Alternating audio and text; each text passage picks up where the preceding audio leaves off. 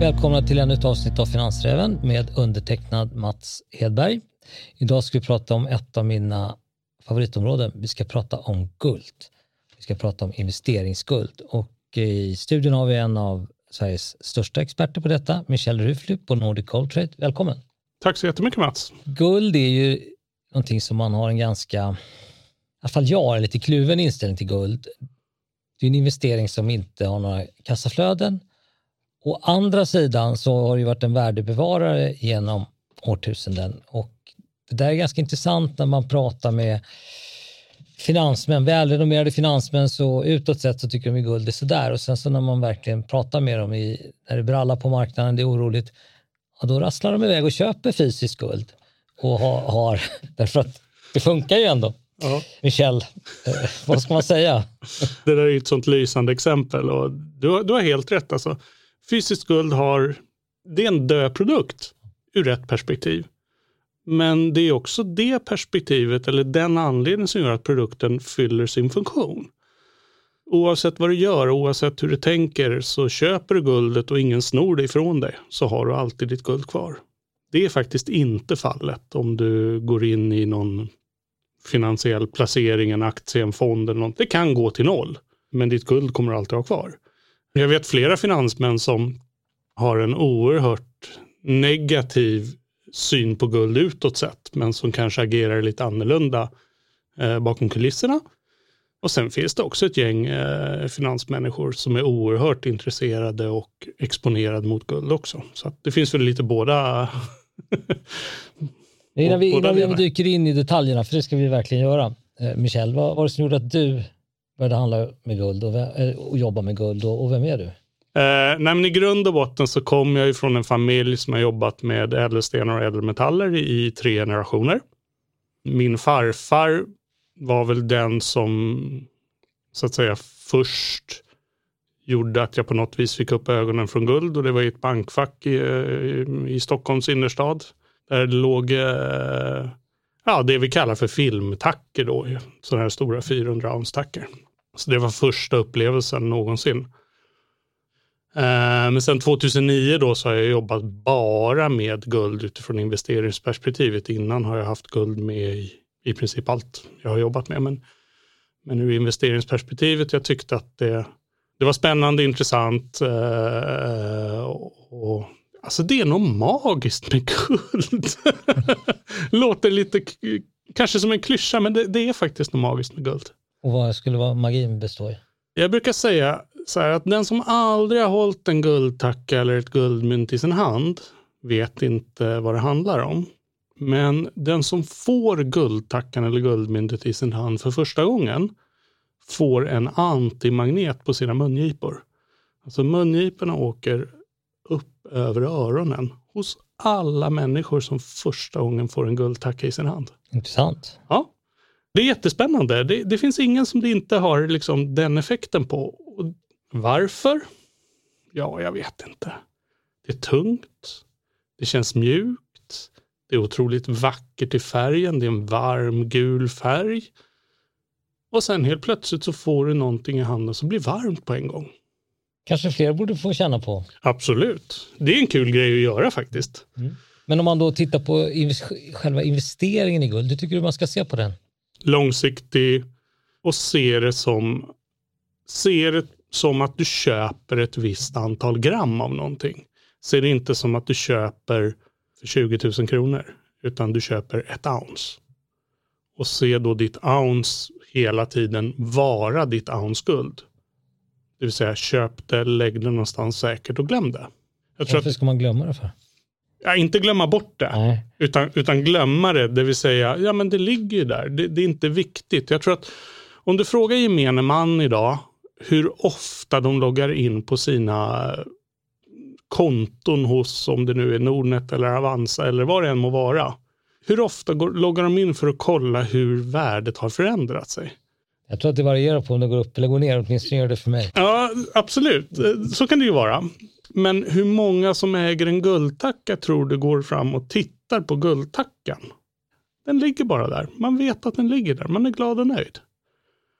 Och det är det som jag menar, alltså dina gram guld, de ligger där. De kom, kommer inte öppna byrålådan, om du nu har lagt i byrålådan som kanske inte är det säkraste stället, eller så är det det säkraste stället, det, det beror lite på. Men har du lagt 100 gram guld i byrålådan så är det 100 gram guld. Och i relation till en portfölj då? Om man har en portfölj, hur ska man se på guld som en, en del av portföljen? Jag önskar att alla kunde se guld som en naturlig del av portföljen. Vi är långt därifrån.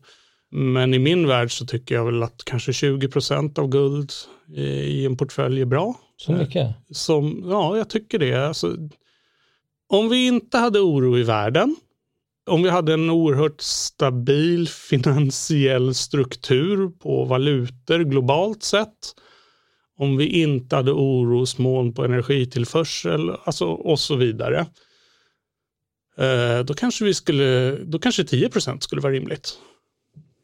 Eh, som det ser ut just nu så tycker jag att 20% är alldeles rimligt. Eh, frågar du mig själv så är jag ju käpprätt åt skogen överinvesterad i guld, men det tror jag ligger i sakens natur. Ja, det kan man väl anta. Att jag hade inte tänkt fråga den frågan, men, men det är över 20 procent med andra ord. Ja. Um, hur ska man se det i relation till andra tillgångsklasser? Alltså jag tycker att man ska se det som en helt egen tillgångsklass, det vill säga fysiskt guld är en sak. Sen kan man ju exponera sig mot guld ytterligare. Många vill ju säga att ja, men jag, jag, är, jag är exponerad mot guld. Jag har köpt uh, de här uh, guldgruvebolagen. Det anser jag inte vara en, en guldexponering överhuvudtaget. Men många vill ju tro det. Okej, vi tar, betar av den frågan. Varför?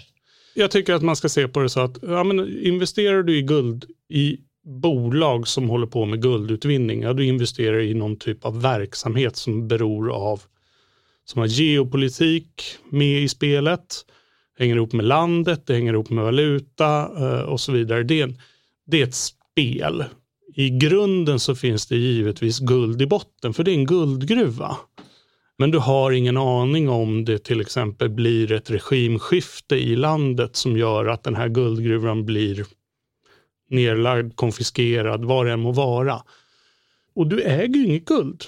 Du äger aktier i ett bolag som utvinner guld, men du äger inget guld. Men många vill få det till en expo guldexponering och jag tycker inte att det är det. Ska man se det som att guld inom, vid sidan av värdeförändringar då, är egentligen riskfritt? Eller? Ja, jag hävdar bestämt att det inte finns någon motpartsrisk på guld. Hur hanterar man stöldrisken? På ett bra sätt. Antingen så har man ju en förvaring i en säker förvaring kan vara i hemmet eller någon annanstans som man är trygg med.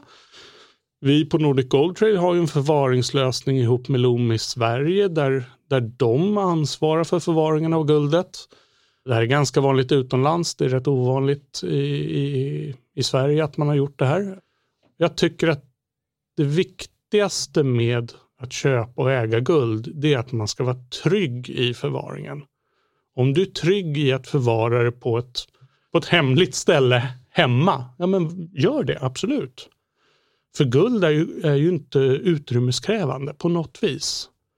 Och det här är lite spännande. Jag, jag, kan ha kunder som köper 20 gram guld, vad det nu är, 13 000 kronor idag kanske. Och som undrar var de ska förvara det. Medan det på armen, på vänster eller högerarmen beroende på hur man är funtad, så sitter en klocka som är värd 40 000 kronor. Den lägger man ifrån sig på nattduksbord eller i badrummet och tvekar inte för fem öre. Men en guldtacka för 13 000, den blir man orolig för hur man ska förvara. Det är någon mindset där som jag tror att man eh, måste lösa. mm. När det gäller utrymmet för guld, om du tänker dig eh, ta en modern eh, smartphone idag, om vi inte väljer något varumärke, så är den ungefär lika stor som en enkilos guldtacka. Och hur många gånger har du inte sprungit och letat efter din telefon? Och då har du inte ens försökt gömma den. Point taken. Om vi ändå, innan vi kommer in på det nuvarande läget för guld, så du pratade om aktier i guldbolag.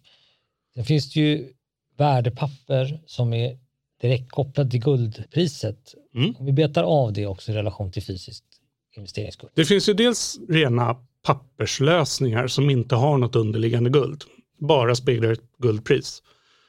De har ofta en valutaexponering också, vilket gör att det kan vara svårt att förutse. Man köper det här pappret med en del av sin lön som man har fått i kronor. Pappret är utställt någonstans där det kanske är dollar eller euro som underliggande valuta. Där har du direkt fått en, en valutaexponering som man inte kan påverka. Och så tittar man och så ser man på guldpriset att ja, men guldpriset har gått upp från 1712 till 1740 dollar per ounce. Varför har inte mitt, mitt guldinnehav, mitt pappersguld ökat? Ja, då visar det sig kanske att det var utställt i euro. Ja, då måste man ju titta på euroguldpriset och det där tror jag inte att alla har koll på att man, att man behöver skilja. Och sen, sen oavsett om det, du äger ju aldrig guldet. Det finns ju också sådana här ETFer som faktiskt är uppbackade med guld. Men du äger fortfarande inte guldet. Du äger andelar i, alltså, i den här ETFen som i sin tur äger guldet, men guldet är inte ditt. Finns det de som säger att jo, men det går ju att få ut sitt guld ur den här ETFen om man har det och då, då behöver man ha läst de där villkoren rätt noga. För ofta så är det så att om man ska få ut det så det, krävs det en viss volym och det kostar ganska mycket pengar. Hade det ju faktiskt varit bättre att köpa fysiskt investeringsguld. Och sen antar jag att man har någon motpartsrisk. Ja, absolut. Du ska ju läsa på ordentligt. Vem är det som har ställt ut det här? Låt säga att guldet ligger i ett valv någonstans. Och så har vi någon, någon ETF. Men vem har ställt ut så att säga säkerheten guldet mot ETFen? Vad ska man säga? Vem sitter på den tillgången egentligen? För du skickar ju in pengar in i ETFen från ditt håll. Du får inte något guld tillbaka utan det står ju bara hur mycket andelar du har, inte guld. Du andelar i den här ETFen.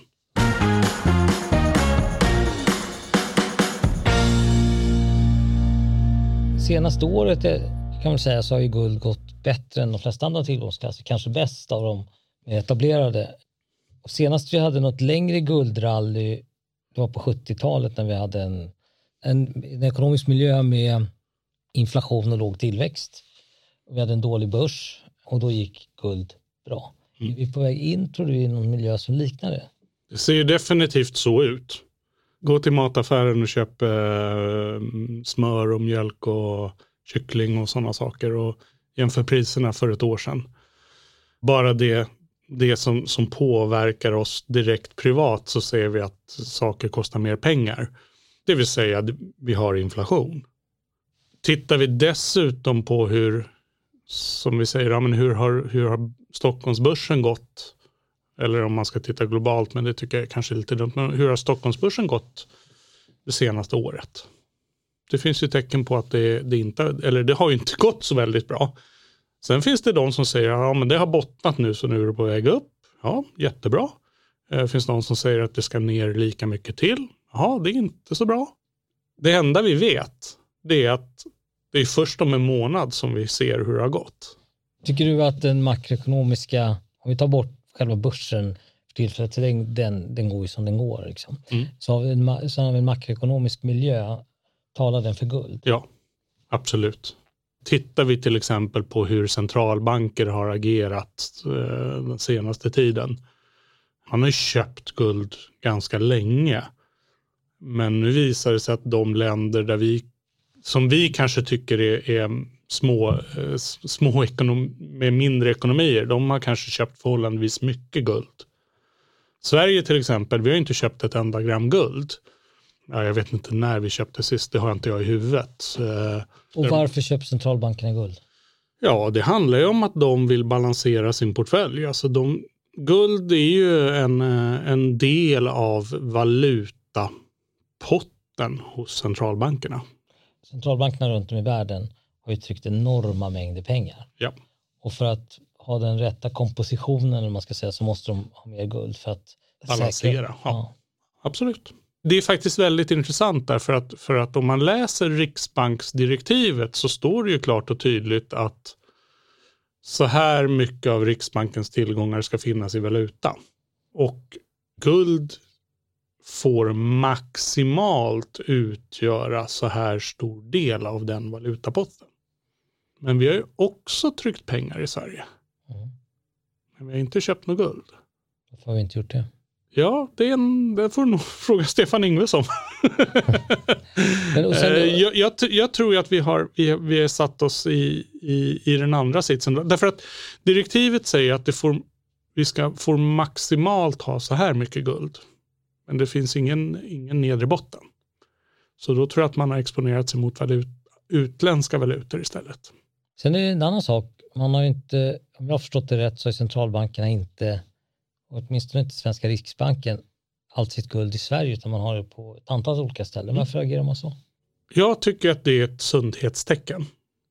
Man har ju guld på andra ställen än, än inhemskt därför att man kan behöva nyttja guldet som säkerhet. Riksbanken har gjort det vid något tillfälle där, där man pantsatte guld för att uh, få loss dollar. Hade då guldet legat i Sverige då tror jag inte att motparten hade accepterat panten. Då hade man ändå behövt transportera. transportera ja, och ska du transportera, låt säga att du behöver, eh, Sverige har lite drygt 125 ton guld. Om du ska frakta ett ton guld, det är ju inte volymen som är problemet, utan problemet är att du ska frakta ett ton guld och det är väldigt lite volym. Det är inget du lägger i bagageluckan på bilen och drar iväg försök lasta ett flygplan med ett ton guld på en yta som är en gånger en meter. Det är omöjligt. Det kommer ju aldrig att funka. Hur ska du transportera det här säkert? Men vänta, vi behöver pantsätta guldet nu för att få loss dollar nu. Då är det ju faktiskt hål i huvudet att ha allting i landet. Utan har man då ett, eh, eh, ett system där det till exempel ligger hos Bank of England i, i, i London. Så, okej, okay, vi behöver pantsätta så här mycket. Ja, då gör man ju den, den pantskiftningen går ju ganska omedelbart. Jag tycker att det är bra. Jag vet att det finns de som tycker att vi ska ha allt, allt guld i Sverige. Eh, jag tycker att då missar man återigen lite av, av idén med att man ska ha guld. Om vi tar några andra samtida faktorer, samtida händelser så har vi, tänker, man, tänker i alla fall jag på Ryssland och Ukraina-kriget just nu. Hur, hur, ska man se det utifrån ett guldperspektiv? Eh, Ryssland har ju varit en enorm nettoköpare av guld sen ryska centralbanken. Ryssland är en stor guldkonsument eh, utifrån perspektivet, alltså investeringsperspektivet, inte konsument som att man förbrukar det. Och det är givetvis så att att embargot som, som är nu omfattar ju även guld. Då, då. Det finns ju många tecken på att eh, Ryssland på något vis också behöver kanske pantsätta eller nyttja sitt guld om det sen är ryska staten eller, eller andra. Men då behöver man hitta vägar för hur det här kan hanteras. Eh, och jag tror att eh, guld i de här fallen är hårdvaluta, det vill säga det, har man det så är det inte det första man säljer eller pantsätter, men måste man så kommer man garanterat göra det. Och då gäller det bara att få ut det på marknaden på ett sätt som, som är okej. Okay. Tror jag inte att ryska centralbanken kommer att och liksom öppna valvet och säga hej, är det någon som vill köpa 100 ton guld av oss? Det, det kommer inte att hända. Det ligger inte riktigt i deras natur, utan de hittar några andra vägar. Men, men man har sett ökad förflyttning av kallar det så, ryst guld mot, mot andra länder. Eh, jag tror att det är, ett, det är en naturlig del av, av, ett krigsscenario. Vad betyder det för priset på guld? Rent generellt, kriget tror, tror, Direkt när kriget startade fick vi en enorm uh, uppgång på guld i dollar uh, och även i andra valutor. Precis som guld alltid agerar i kristider. Det har ju fallit tillbaka. Liksom. I samma takt har vi fått en valutaförändring så att även om guldet har fallit tillbaka så har det kanske inte fallit tillbaka lika mycket i svenska kronor som i andra. Som i annan valuta. Jag tror ju inte att om, om vi imorgon skulle få ett scenario där, där man skulle säga att kriget mellan Ryssland och Ukraina är slut så tror inte jag att vi skulle se ett dramatiskt prisfall på guld. Utan fear-toppen som kom, den kom direkt när när människor blir rädda. Alltså rädsla. Rädsla driver guldpriset uppåt. Har alltid gjort, kommer nog alltid att göra. Det finns ju några sådana scenarier där man faktiskt kan, kan liksom se händelser. Det här är ett scenario. 2011 Fukushima-katastrofen är ett annat scenario där man faktiskt tydligt kan se att guldpriset eh, eh, rör sig drastiskt på kort tid. Och det finns flera sådana här punkter man kan, man kan plocka fram. Men, men, men i grund och botten så handlar det om rädsla. Det finns ju något kulturellt kring guld också. Vi i Sverige har inte så mycket guld i våra portföljer, men hur ser det ut runt om i världen skulle du säga? Nu är det länge sedan jag, såg en jämförelse, men jag såg att till exempel Tyskland då, som jag de senaste hundra åren har upplevt hyperinflation, två världskrig. Ja, de har ju betydligt mer guld än vad vi har i Sverige. Per capita. Per capita, yes. Jag tycker att om, om vi som, sven, som i Sverige tittar på hur, hur, hur man lever i Tyskland så kan man ju tycka att vi har ganska liknande liv om man bortser från historiken. Men säg att tysken nog per capita har tre gånger så mycket guld som svensken. Och andra länder? Är tysken extrem? Nej, tysken är inte extrem. I Schweiz är det oerhört vanligt. Eh, södra Europa också oerhört vanligt. Arabvärlden? Arabvärlden, jättevanligt. Alltså, nu gissar jag lite, mm. uh, men jag skulle tro att Norge är ett av de länder som har, Norge och Danmark som har minst guld per capita i, i av moderna länder, om jag får uttrycka mig. Nämnde inte Sverige? Nej, jag tror att Sverige ligger, ligger uh, steget före Norge och Danmark. Finland ligger före Sverige. Före Sverige som, som i att de har mer guld? Som att de har mer, mer guld. Har vi pratat guld. En annan ädelmetall, silver, är som guld på steroider. Mm. Hur ska man se på silver tycker du? Lite på avstånd just nu. ja, alltså det här med silver, uh, guld, uh, silver som guld på steroider, uh, det tycker inte jag stämmer längre. Det var ganska tydligt um, 2008, 9, 10, 11, 12 där någonstans. Sen då brukar man säga, ja men det guld gör, gör silver trefalt. Guld toppade nu eh, i år då på 2000 dollar per ounce lite drygt. Och idag ligger det på, nu på 1750. Silver toppade på knappt 50 dollar per ounce. Idag ligger det på knappt 20. Då tycker man så här, men då ska ju silver ha liksom traskat uppåt då. Det borde ju ligga betydligt högre. Men silver är faktiskt primärt industriell metall. Och det borde ju, om jag får bryta in där, vad jag har förstått så är behovet och konsumtionen av silver industriellt mm. med större än vad själva brytningen är. Absolut. Och det borde ju trycka upp priset kan jag tycka. Ja, fast det är brytningen när man pratar silver från silvergruva.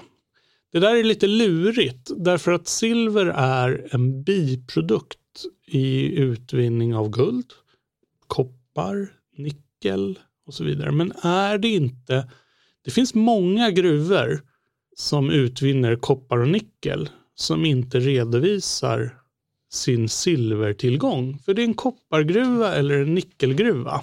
Så du menar att det kommer ut mer silver på marknaden än vad vi tror? Absolut.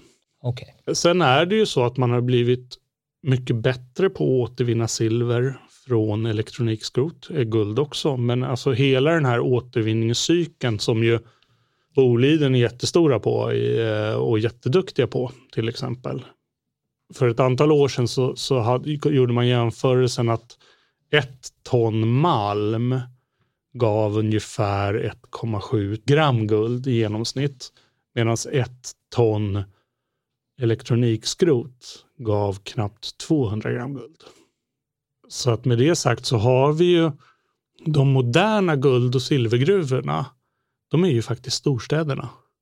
Förr i tiden, alltså säg för 20 år sedan, hur ofta köpte du ny tv Mats? Vilken bra fråga. Och nu, hur ofta byter man tv? Bra, också en bra fråga. Jag, jag köp, ja, det var en bra fråga. Man ja, äger fler tv-apparater i alla fall, det kan jag konstatera. äger fler tv-apparater. Men tv då, om vi säger så här, om vi vänder på steken och säger, okej, okay, inte bara tv, allt som du tittar ja, på. Alla skärmar, det är en annan sak tycker jag. Och det är lite det, ja men då har du helt plötsligt, du har någon dataskärm här, du har någon dataskärm hemma, du har någon smartphone, du har kanske någon lässurfplatta av något varumärke eh, och så vidare. Det har ju ökat enormt mycket och i alla de produkterna finns det guld och silver. Som återvinns också såklart. Som återvinns också. Det var bra att få veta det. Sen har man ju nackdel med silver tycker jag att det är fysiskt ganska skrymmande. Det är skrymmande, det är momsbelagt eftersom det klassas som industriell metall. Så det har egentligen två hakar då om man ska säga så.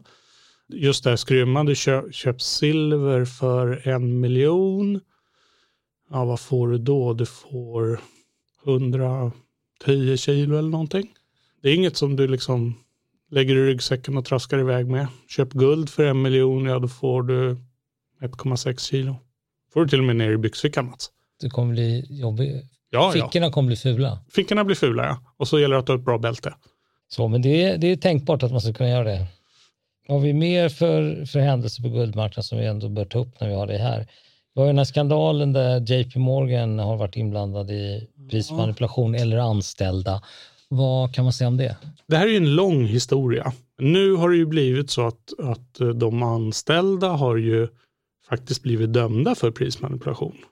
Men JP Morgan tog ju en bot på samma prismanipulation redan, jag tror att det var 2020 eller 2021. Eh, så det är först nu som det har rullat ner på personnivå. Jag tycker det är märkligt och det är många turer i det här som är märkliga. Den ena eh, ansvariga hos JP Morgan har ju, har ju dessutom de senaste åren suttit i LBMA-styrelsen, alltså London Bullion Metal Association styrelse. Det kan ju vara så att okay, JP Morgan har tagit boten, de här anställda tar sitt straff och sen är allt frid och fröjd. Det kan också finnas annat, annat som ligger bakom. Det här är ju ett spel som ibland övergår, i alla fall min intelligensnivå och förstå hur det här har gått till och varför och så vidare. Jag upplever att det kan vara mycket prismanipulation och fischlande på guldmarknaden. Jag är en av de här guldhandlarna som inte är riktigt så konspiratorisk. Så att jag kan se viss typ av prisrörelse som man kan följa cykliskt på en dag och sådär. Att vissa marknader öppnar, då brukar guldpriset röra sig så här. Eller. Om vi nu tittar på just den här JP Morgan-situationen. De har tagit en företagsbot, man har en process och då har ju de, under den processen har den här personerna inte jobbat på JP Morgan. I teorin då att de har sysslat med prismanipulation, om man tar bort dem från marknaden, då borde ju priset gå upp. Om det har varit manipulerat tidigare. För man pratar ju alltid om att priset är manipulerat neråt. Okay. Man pratar, pratar ju aldrig om att det är någon som har manipulerat guldpriset uppåt, vilket man ibland kan göra på aktiemarknaden och sådär. Om de personerna och då JP Morgan har tagit en smäll på det här, är det då rimligt att tro att, att priset ska följa de normala cyklerna när de försvinner? Det är det här som jag har lite svårt att förstå i, i mitt huvud då borde vi ju se en annan typ av rörelse om det här är de som har varit bovar och banditer och manipulerat priset neråt. Så om du ska hjälpa oss med slutsatsen? Ja, det har säkert förekommit affärer som någon har vunnit på. Men jag tror inte att gemene man har varit förlorare. Om vi blickar framåt då, då, vad är det för saker vi ska, om man är intresserad av guldmarknad, guldpris och kanske funderar på att investera i guld, är det någonting man ska titta på? Är det några händelser framgent? Eller är det som med all annan finansiell investering, att man kanske ska gå in över en längre tidsperiod så man undviker en del toppar och bottnar i marknaden? Att köpa över tid är ju alltid det bästa. Så är det. Men det som är viktigt då, och tycker jag poängterade, för det har varit oerhört mycket prat om att inflationen kommer och sen så har man sett inflationen själv. Och då blir det som att oj, jag har ju inte köpt något guld ännu. Och nu är inflationen här, då är det för sent att köpa guld. Det är ett resonemang som är oerhört kortsiktigt. Guld, framförallt fysiskt guld som investering, är oerhört långsiktig. När du säger långsiktigt, bara så vi har en eh, samma begreppsapparat. Kan du inte tänka dig att, att låta det här guldet ligga i sin byrålåda eller var du nu lägger det i, i fem år eller absolut minst tre år. Titta på någon annan produkt istället. Okay. Eh, men det finns ju så mycket stories att berätta från människor som har köpt guld för länge sedan. Som så att säga cashar in i närtid då och upplever en fantastisk utveckling. som man kanske inte hade tänkt på, som man inte hade förväntat sig. Det ska man komma ihåg. Det är, inte, det är aldrig för sent att köpa guld. Utifrån det historiska perspektivet så kommer guld att fortsätta gå upp. Vi kan ju bara titta bakåt och se. Sen kan vi se en topp då som vi har tappat ifrån nu. Vi har tappat 10 procent från när Ryssland gick in i Ukraina. Ja, okej. Okay. Vad har hänt med dina andra investeringar på den tidsperioden? Jag tror att man ibland blir lite, man är för blind liksom ibland och tittar för kort, med för kort tidshorisont och tycker att oj, oj, oj, guld är dyrt. Vi börjar komma lite grann till slutet av den här podden, men om du tar ditt perspektiv under den tid du har arbetat med guld, vad skulle du säga är intresset större, mindre eller lika vad gäller guld? Intresset är större. Nu pratar vi Sverige, absolut. Ja. Intresset är större. Hur skulle du säga att en typisk investerare ser ut? Den är svår. Jag, jag har ju förmånen att få jobba med, med allt från Greta, 82, som har, ska köpa någon doppresent till ett barnbarn till, till fastighetsägaren som har sålt en fastighet och, och vill placera pengar i guld. Så jag, jag har liksom hela spannet. Jag tycker inte att det finns en typisk guldköpare. Jag tycker att eh, svenska folket är en ganska bra spegelbild av... Även om du inte har någon socioekonomisk typ person, har du något mindset som, som förenar dem? Det kan man väl i och för sig säga, det vill säga där man har ett mindset där man är orolig över sina andra placeringar, hur de kommer att stå sig framöver. Den oron delar guldköparna. Det gör de oavsett liksom, om de köper 2 gram, 20 gram eller 2 kilo det finns där. tycker jag var en bra avslutning på den här podden. Tack Michel Ruffly för att du kom hit och berättade så generöst om guld och hur man ska se kring guldplaceringar. Tack! Tack så jättemycket Mats för att jag fick komma.